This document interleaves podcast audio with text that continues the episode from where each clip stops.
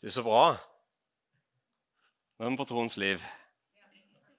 Det er et navn som forplikter. Her er det liv, er det ikke det? Er det tro? Yes. Hei. Så godt å være her. Er dere klar? Halleluja. Nå skal du høre. Hvor skal vi begynne?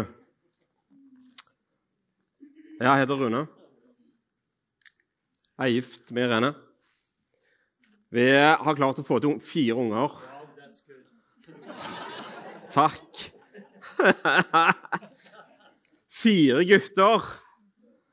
Ja, det er bra. Så har vi bodd 20 år i Romania. Og så jobber vi i Ungdom i oppdrag. Og så skal vi si litt om, eh, om akkurat det. Så tenkte jeg at vi skal vise dere litt av um, vårt liv det siste halvannet året. Så må dere bare gi meg litt sånn nåde. Det er det mye av her. Ser dere det? Det er Europa. Hvor mange mennesker bor det der, tror dere? 134 millioner mennesker. Hvor mange unådde folkegrupper tror dere det er innenfor rammene av de landene her? 16 land. Minimum 21 unådde folkegrupper. I Europa som trenger evangeliet. Yes, der jobber vi. Vi har bodd på kysten av Romania i 20 år. I dag så leder vi ungdom i oppdrag i disse 16 landene.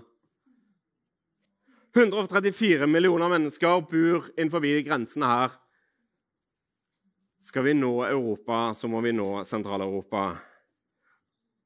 Hvordan tror du dette ville sett ut hvis vi hadde hatt 1800 fulltidsarbeidere? Det er et mål. Det er så stort at det klarer ikke jeg å nå uten Guds hjelp. Og deres hjelp. Er du klar? Du har ikke en misjonær på scenen uten å bli utfordra i dag, håper jeg. Yes. Hvordan vil dette 16 landene I dag så har vi som Ungdom i oppdrag har 200 arbeidere i dette området. 250. Hva skjer hvis vi fordobler det? Fortripler det? Kjører det opp til 1800? Tror du Jesus blir synlig da? Det er det som er målet, er det ikke det? Se her. Dette er litt bilder fra rundt forbi. Serbia, Konstanza. For en del år siden så kom det en ung mann til meg. Hadde langt hår. Typisk ungdom. Og sa vi gjør ingenting, Rune, for å nå strendene og partyungdom i Konstanza. Konstanza er en by på 500 000 mennesker. Uh, stor strand, mye party. Så var det litt sånn Ja, men eh, det vi gjør, det er ikke godt nok. Da kjenner jeg, Har dere sånne ungdommer i menigheten? Nei, nei, nei. nei. Ikke heller. Vi hadde sånne på vårt senter. Vi, vi, vi, treffer ikke blink. Nei, nei. Hva gjør vi da, sier jeg. Jo, da starter vi noe som heter Summer Nightlife Outreach. Hva er det? Jo, det er enkelt og greit. Vi slenger ut en hel haug med ungdom på nattestid. På strendene, på Ibiza, på Var, i Constanza, rundt forbi på, på strendene. Hva gjør vi? Vi står opp med de skiltene. Jeg vet ikke om dere ser det i bakgrunnen. der er noen skilt. Og så forkynner vi evangeliet. Hva tror du skjer? De kom for party, og de går hjem med party, for de møtte Jesus på stranden. Yes. Skal vi se en ungdomsgenerasjon, så må vi tørre å være der ungdommene er. Yes. Dette er Praha. Et land som er et av Europas mest sekulære land. Hva gjør vi der? Selvfølgelig vi satt ungdomsarbeid. Hva annet er det å gjøre? Hva annet er det å gjøre enn å bare kjøre på og fortelle ungdommen om Jesus? Oi, sekulært land. Oi, Europas mest sekulære land. Vi kan sette oss ned og si at vi lever i en postkristen verden, så kan vi trekke ned rullegardinene Eller vi kan si at vi lever i en pre-revival-tid. Vi lever i en forvekkelse. Vi skal se vekkelse i Europa. Det er vår tro. Come on. Ruller vi ned gardinet, eller tar vi elefanten bed for bed? I Polen for halvannet år siden så hadde vi seks arbeidere. Noen hadde vært der i over 30 år. Det hadde ikke blomstra. Det hadde ikke tatt av. Så inviterer de meg ned og, og spør Rune, kan du komme. Kan du, kan, kan du hjelpe oss? Hva kan jeg gjøre? tenkte jeg. Så jeg sa dere må, dere må samle alle unge mennesker dere kjenner. Kom an, la oss samle unge mennesker. Så gjorde vi det i Warszawa. De som hadde vært der i 30 år, og de som var 18, 19, 20. Og jeg utfordra. Så kommer unge mennesker til meg etterpå og sier du, kan vi starte studentarbeid. Kan vi starte et nytt senter? Kan vi gjøre noen nye ting? Selvfølgelig kan vi det! Få av noe nummer. Skrev ned. Snakket med alle. Reiste hjem. Onsdagskveld lande i Stavanger. Torsdagsmorgen bestemmer Putin seg for å gå inn i Ukraina. Hva gjorde jeg? Heiv meg på telefonen og sa vi trenger deg på grensene. Derfor var det en hel haug med unge mennesker, hundrevis etter hvert, som sto på polsk side av grensen og på ukrainsk side av grensen og tok imot mennesker som hadde forlatt alt, flykta. Der sto de, tok imot dem. Kopp te, en telefonlader, en som spilte piano, og bare sa velkommen til oss. Godhet satt i system. Du vet at når ondskapen reiser seg i øst, så reiser godheten seg i vest. Yes? I dag så er Polen over 30 arbeidere. Det er nye sentre, det er full kjør. Ikke fordi det er en krig i Ukraina, men fordi Gud gjør noe nytt i Polen i dag. Yes. Torsdag krigen begynner i Ukraina. Hva har skjedd på forhånd? En måned før krigen begynte i Ukraina, så var jeg på telefon med Sasha Volanik. Han bor i Ukraina. Han leder det som vi i vår verden kaller Øst-Europa, Ukraina, Hviterussland og Russland så spør jeg Sasha blir det krig. Så sier Sasha noe sånt som at eh, jeg håper på det beste og forbereder meg på det verste. Så snakket vi om vær og vind og, og alt mulig annet. La på telefonen. Og så går det en liten gjennom meg. Hvis Sasha forbereder seg på det verste, så bør gjerne jeg tenke samme tanken. Så jeg ringte til våre sentre i Romania og i, i Polen Nei, ikke Polen, unnskyld, der hadde vi nesten ikke folk. I Slovakia og litt rundt forbi Budapest og sa dere, dere, Hvor mange sengeplasser har dere? La oss reie opp alle sengene. La oss være klar. Ingen protesterte. Alle sa ja, greit det, Rune. Greit det. Fint, det. Det er seg sjøl et under. Uh, Og så venta vi. Så så vi. På torsdag, når krigen begynte, så tok vi imot de første flyktningene i Romania. I Slovakia. Så kom mennesker inn. De første seks ukene av krigen så var det ikke mi tro som bar, men det var alle de som ba. Jeg jobbet 18 timer til dagen hvis dere lurer på om jeg leste Bibelen de første seks ukene av krigen, så gjorde jeg ikke det. Confession time. Hvis dere lurer på om jeg var på kne og ba de første seks ukene av krigen, så gjorde jeg ikke det. Jeg satt i telefonen med fortvilte mennesker som måtte ut. Jeg satt i telefonen med mennesker som skulle måtte inn. Vi lagde kriseplaner. Vi lagde evakueringsplaner. Det var fullt kjør.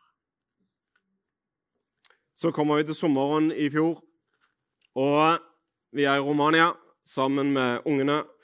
Og guttene begynner å prate om hva kan vi gjøre for Ukraina.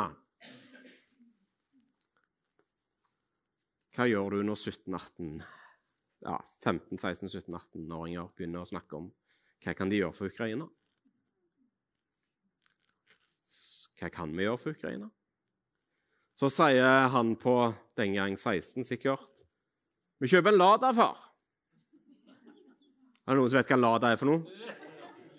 Noen som ikke vet hva Lada er for noe? Lada er fire hjul og styring. Omtrent det. Så jeg ringer igjen Sasha Volanik i Ukraina og sier du, kjenner du noen som kan noe om bil, for eh, undertegnede kan absolutt ingenting. Ja, Ja, ja.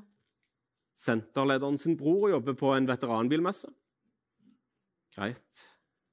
Lang historie kort. Vi kjørte inn i Ukraina med tre gutter. og meg og tre gutter. Uh, og begynte å se til Lada. Og så fant vi en Lada. vi måtte ut og litt hjem, og det var litt, sånn, litt tur på dette her greiene. Noen uker etterpå så var min, jeg og to av guttene nede i Ukraina igjen. Og Så kjøpte vi denne Ladaen. Og så kjørte vi til Norge. 2200 km. Og så spurte vi folk om de kunne gi 100 kroner per kilometer vi kjørte, til og gjenoppbygging av hus rundt Kiev. Det kunne vært enden på historien. Fint. Ja?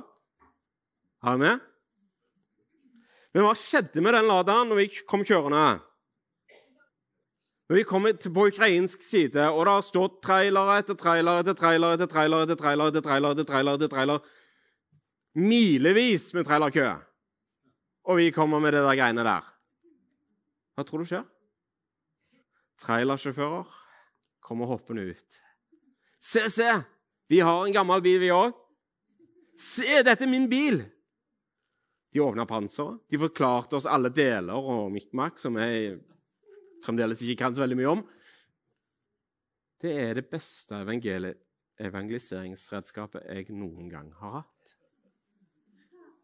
Jeg har aldri møtt så mye mennesker på en gang som er Lada. Jeg kjørte midt inn i Berlin. Midt i Berlin. Jeg var livredd. Time og to, tre før Berlin. Satt og svetta i bilen og tenkte hvor skal dette gå?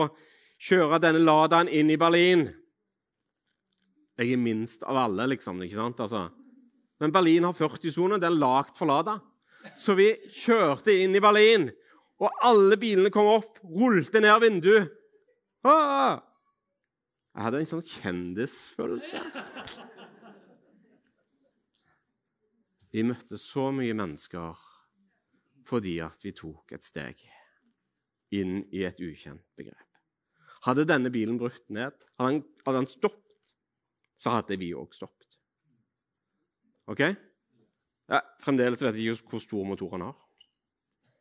Han har fire hjul. Dette er inne i Ukraina.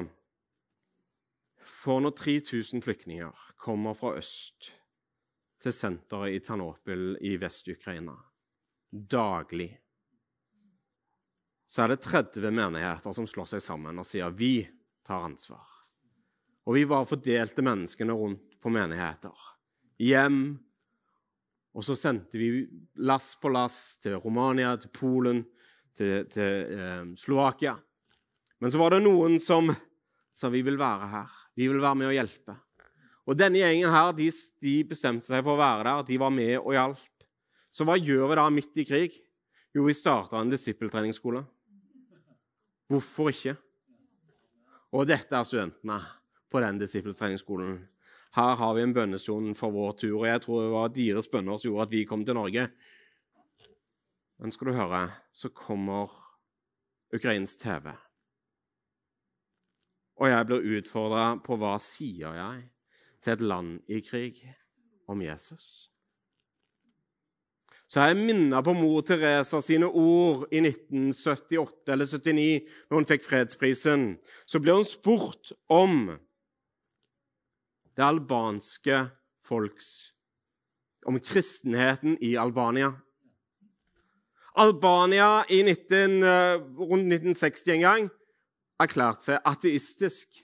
Det finnes ingen gud, sa Hotka, lederen for Albania. Når regimet falt i Albania, så var det nesten ingen kristne i landet. Og mor Teresa, noen tiår før, ble spurt Vi trodde hun var fra Albania. Hun var ikke fra Albania i det hele tatt. Hun var bare etnisk albansk. Hun var født i Makedonia. Men eh, mor Teresa hun eh, blir spurt om kristenheten i Albania. Så sier mor Teresa det at eh, Albania går gjennom sin langfredag.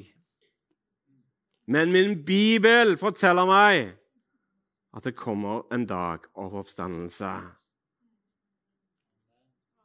Folkens, vi sto på ukrainsk TV og sa Ukraina går gjerne gjennom sin langfredag, men det kommer en tid og det kommer en dag av oppstandelse. Om det så håpløst ut i 1960, 70, 80 Er en ny generasjon låssangere som reiser seg opp i Europa i dag. Lever vi i et postkristent Europa eller et pre-revival? Jeg tror vi lever i et pre-revival, folkens. Og jeg tror dere skal være med på det. OK? Det der er en tallerken. Det ser dere. Det er ikke hvilken som helst tallerken.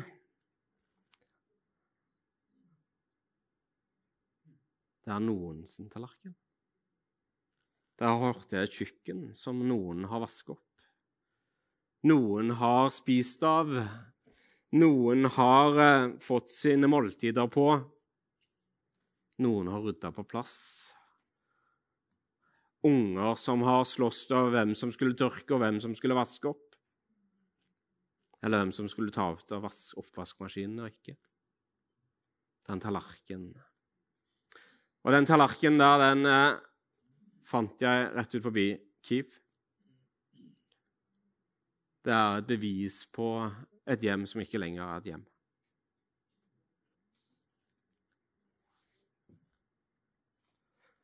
Dette var en menighet. Den ligger eh, ni timers kjøring øst av Kiev, i nærheten av Nipro. Det var trefninger hver dag. Han som står i midten der, han er pastor. Han hadde sendt sin kone og to barn til England. Og så ble han igjen for å ta vare på menigheten. Jeg spurte hvor i England er kona di. Jeg vet ikke, sånn. Så dro han fram et kart. Find my phone eller et eller annet sånt greie. Så viste han der har kona di sånn. Der. Så gjorde jeg litt sånn, og så fant jeg byen. Birmingham. Så tok han vare på flokken. Daglige trefninger. Den bygget der, med alle leiligheter han hadde første etasjen, ble bomba to uker før vi kom. Vi lever i en tid med krig i Europa. Men når jeg møtte pastorer i Nipro, så sa de det. 70% av vår menighet har reist. Men vi har vekst. Vi har vekst. Jeg vet ikke, Runar, men, men hvis 70% av flokken her reiser Og så får du veldig mye mer folk Tenk deg den utfordringen. Tenk deg den utfordringen. Men det er det de står i. Det er en tid vi skal være med og ta et Europa. Vi skal ikke la oss kneble av krig, vi skal ikke la frykten styre, men vi skal la Jesus gjøre under i menneskers liv. Er dere med? Jeg kjørte inn med min 15-åring opp til denne byen. Jeg måtte ta han ut av skolen. Hva skriver du i skolerapporten når du tar ut en 15-åring for å dra til fronten i Ukraina? Tur til Øst-Europa. Det funker. Folkens, det er muligheter på muligheter. Jeg skal ikke si så veldig mye mer om det vi holder på med, annet enn at jeg tror vi lever i en spennende tid. Jeg tror at vi skal ikke rulle ned gardinene, men vi skal flagge høyt et evangelie om Jesus. Og så har jeg lyst til å si noe mer om noe som jeg har fått. Jesus sier, 'Jeg har gitt all makt på himmel og på jord'. Prøv å forstå det. Ta en kikk ut i, i kveld og se på stjernehimmelen. Jeg har gitt all makt i himmel og på jord se på stjernene, planetene, og prøve å forstå dybden og lengden av det ordet. Det han spør etter, er Har han fått all makt i ditt liv? Har han fått all makt i ditt liv? Er han Gud allmektig i ditt liv og mitt liv? Du vet, jeg klarer ikke å forstå i himmel og på jord. Men jeg kan forstå dette. Har Gud, har Herren sjøl, Gud den allmektige, har han fått makt i mitt liv? Det kan jeg forstå. Det kan jeg jobbe med. Det kan jeg være med på. Og det kan jeg si ja til. Hans mål er å være allmektig i ditt og mitt liv. Han spør ikke etter historien vår. Han spør ikke etter da vi feila, når vi tryna. Han drar ikke opp en lang liste. Han bare spør kan jeg få være Gud allmektig i ditt liv. Han har en bekjennelse over ditt liv, og det er Jeg er din Gud. Jeg er din Gud. Så kan vi få lov å hvile i det. 'Jeg er din Gud', sier jeg. Så kan du og meg avgjøre hvor langt vi ønsker å gå med Gud. Kan vi ikke det? Da jeg var 18, så sa Gud 'gå til Romania'. Jeg, jeg tror jeg har fått nådegaven over å være ignorant. Altså i, i, Hva heter det? Ignorant? I, enkel. Veldig enkel. Ja, var det ikke det? For når gutta spurte kan vi kjøre Lada til Norge 2200 km 1978-modell Lada, så sa jeg ja, det kan vi. Han vet ikke hvor stor motoren er, han vet, ikke, vet ingenting. Når han var 18 år, så sa Gud 'reis til Romania'. Jeg sa OK, greit. Var hjemme i boka og finne opp atlasen. Dette er før Google Maps. ikke sant? Romania. Der, der skal vi. Ok. Så reiste vi dit. Nokså enkelt. Hvor langt går vi med Gud? handler jo litt om Har vi tillit til at han bærer? Har vi tillit til at Gud bærer? Gikk det galt?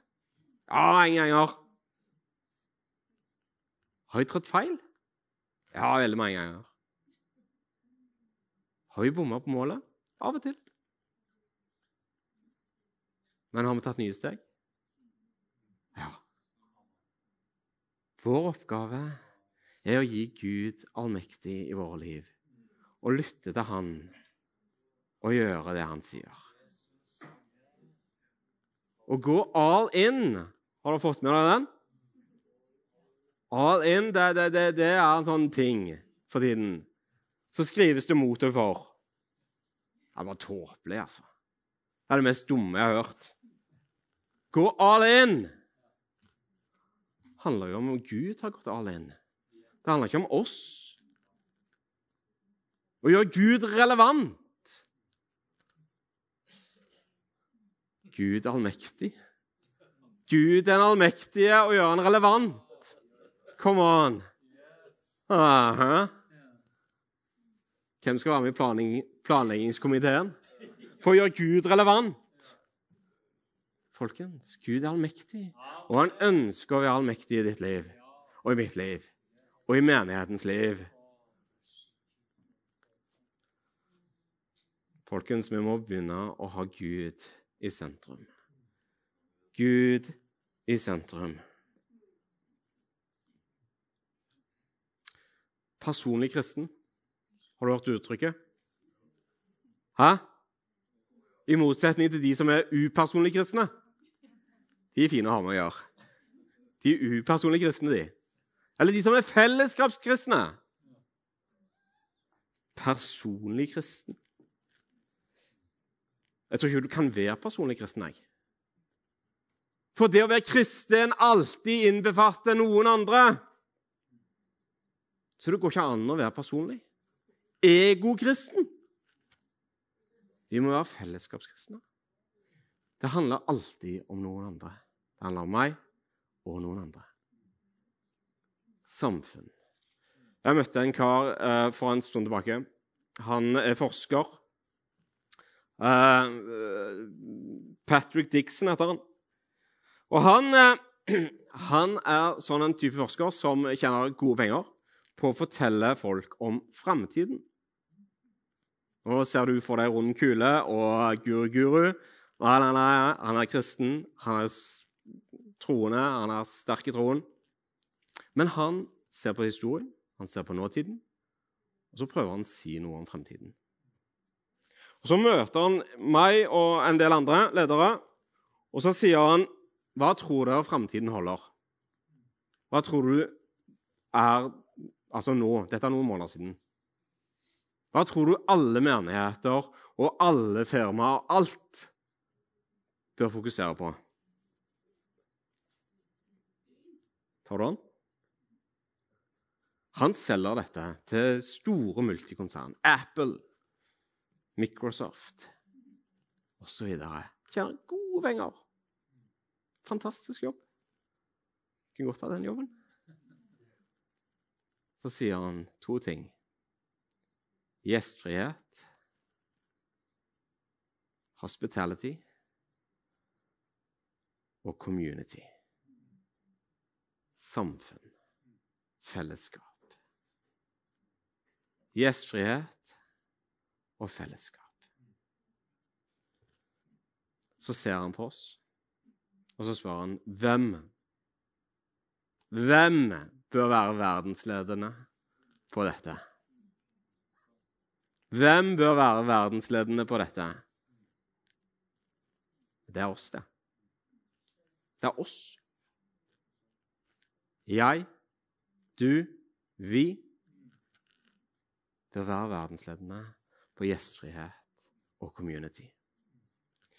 Community Jeg elsker ordet, og jeg elsker konseptet. Fordi det handler ikke bare om meg. Det, når jeg, De seks ukene vi jobbet døgnet rundt med Ukraina Og mitt bønneliv, mitt trosliv, er ikke-eksisterende. For vi går fra telefon til telefon. Det er ikke du, du, du kunne prøve å slå opp i bilen, men du, du så ingenting. For hodet spant. Hvem bærer? Hvem bærer? Hvem ber? Hvem bærer? Hvem står med? Når vi går gjennom sykdom, elendighet, hvem bærer? Jo, det er communityet. Det skal iallfall være communityet. Gjestfrihet. Når vi kom inn i Ukraina på frontlinjene, og pastoren sier 'kom', kom. Takk for at dere kommer. Takk for at dere ser oss. Vi blir møtt med en gjestfrihet som Ja, du blir slått litt i bakken. Så kommer vi hjem til Norge, og så prøver jeg å gå til noen venner, men vi har ikke avtalt tre måneder på forvei. Så jeg har stengt dør.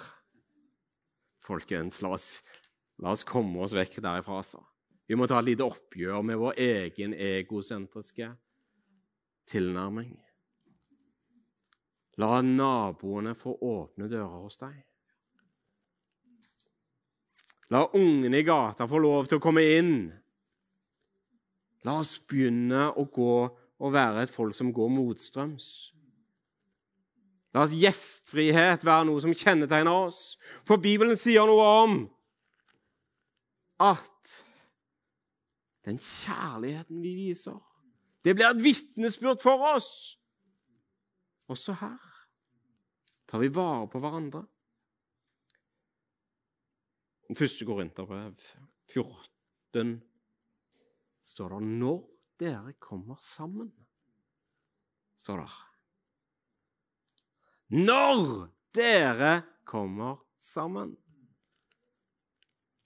Den norske utgaven tror jeg er noe sånt at 'hvis dere kommer sammen'. Det er noe helt annet. Det er ikke evangeliet. Når dere kommer sammen.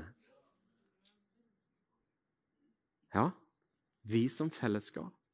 Og jeg inkluderer meg selv i det troens liv-fellesskapet. Jeg er litt frimodig i dag. Hvorfor det? Fordi jeg er vi. Jeg kunne ikke ha stått i misjonstjeneste uten troens liv. Kom an. Jeg kunne ikke ha vært i Ukraina uten troens liv. Jeg kunne ikke ha forkynt evangeliet i Polen uten troens liv. Folkens, vi er sammen i det vi gjør. Og jeg tenker Vi må begynne å forkynne et evangelie som ikke er egosentrisk, men som er vi. Det er vi. Bibelen. Guds ord. Når Paulus skriver brevene Han skriver til hvem? Han skriver til oss, han skriver til menigheten, han skriver til deg og meg. Han skriver ikke til én person. Menigheten er ikke gaven til én talent. Menighet er engasjementet til alle dere. Det er gavene til alle. Og Bibelen taler noe om kropp. Gjør den ikke det? Bibelen taler noe om kropp. Det har nettopp vært VM i friidrett i Budapest. Har dere sett det? Vi har noen ydmyke karer fra Sandnes. Har dere fått med dere de. De springer. Ja, det er toppen på ydmykhet fra Rogaland.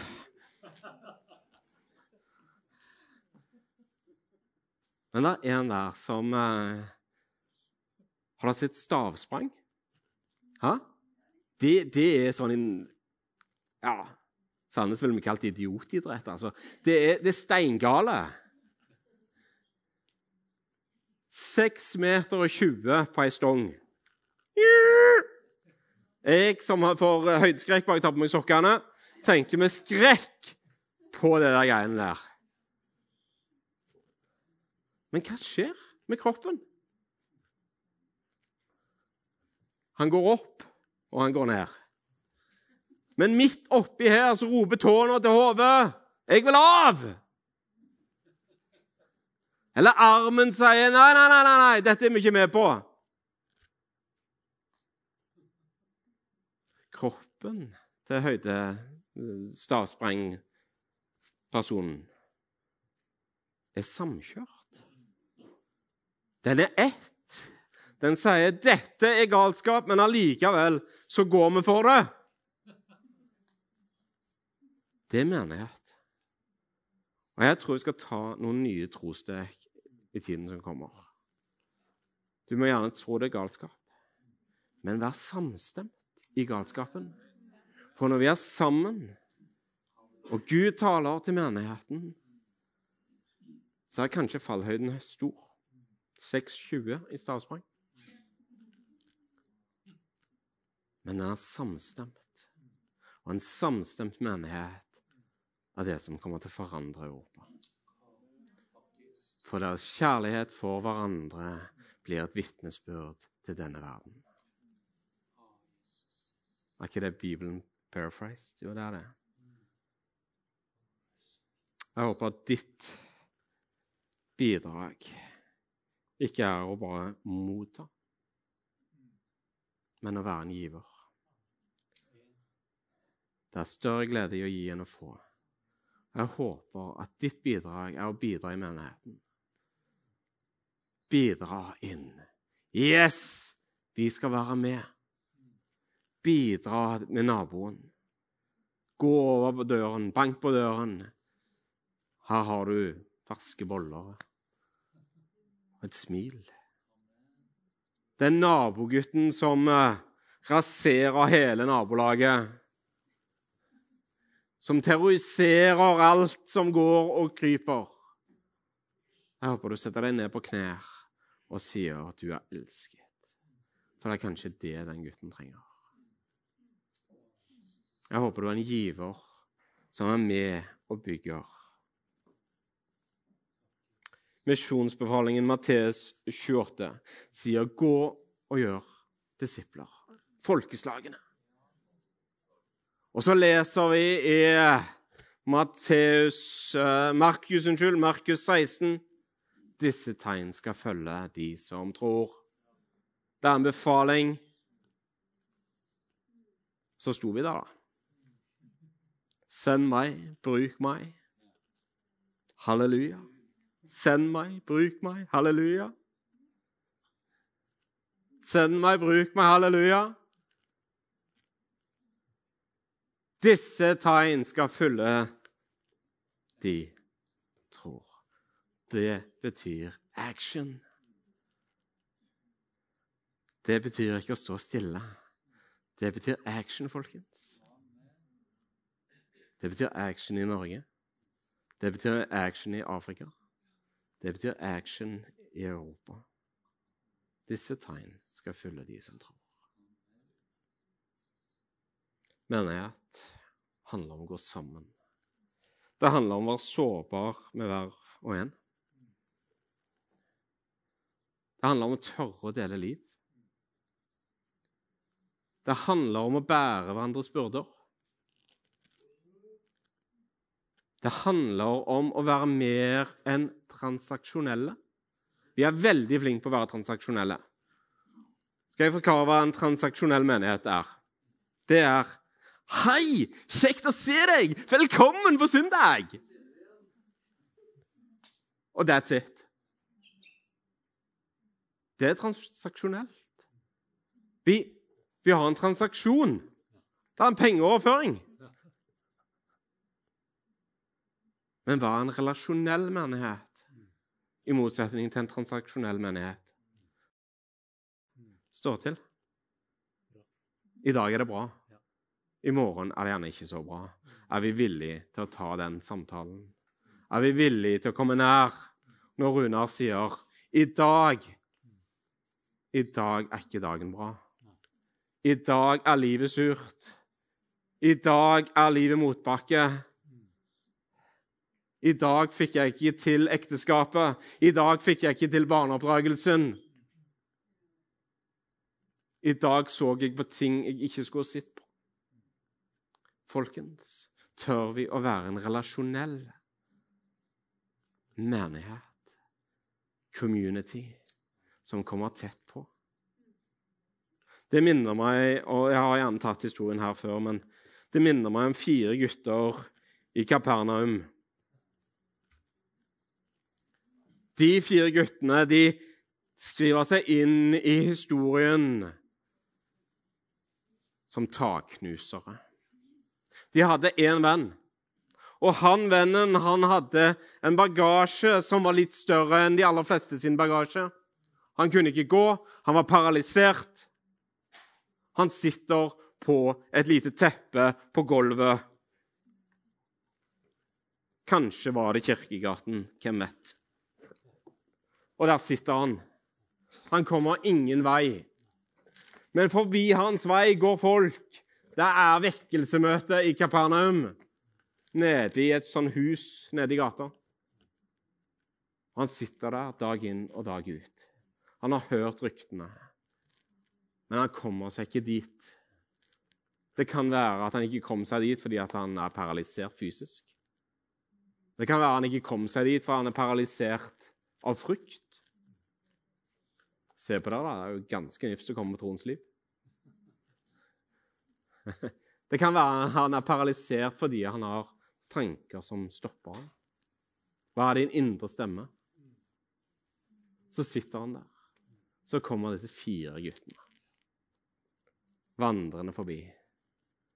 Så sier du skal vi, skal vi på møte? Så er det hans reaksjon, hans tilnærming til Gud. Kanskje hvilte han i sin tro og sa ja, det ville vært fint. Kanskje hadde han et anspent forhold til en tro. Og sa nja, kanskje. Disse fire guttene de tar hver et hjørne av den matta han sitter på. Så teller de til tre. Én, to, tre. Så løfter de opp hele hans verden.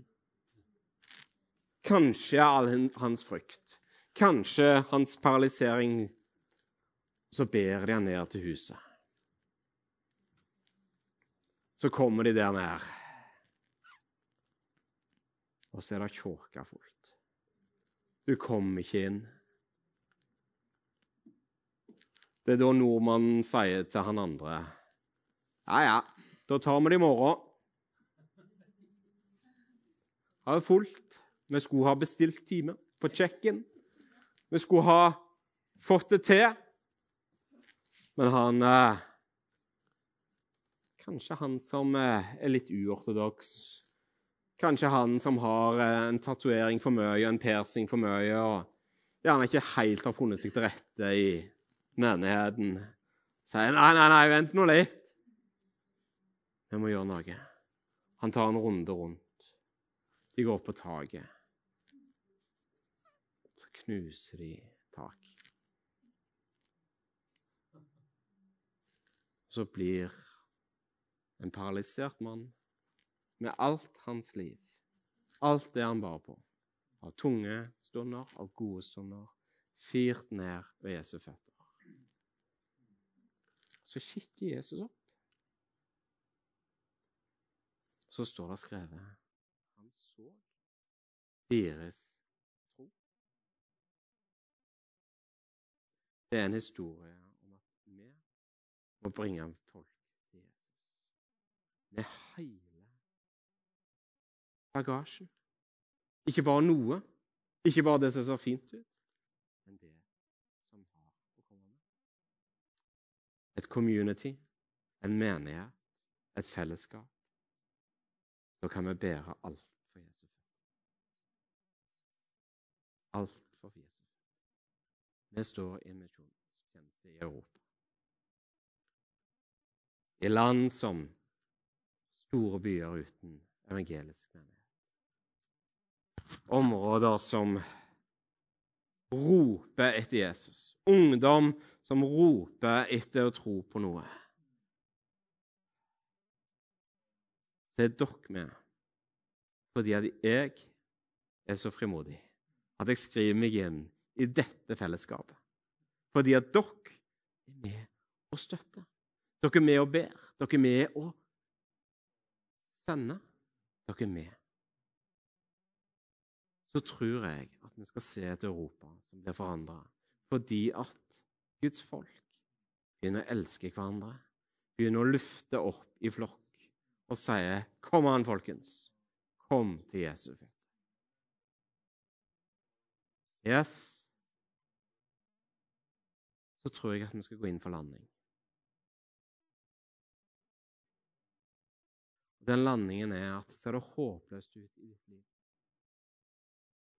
så går du kanskje gjennom din langfredag.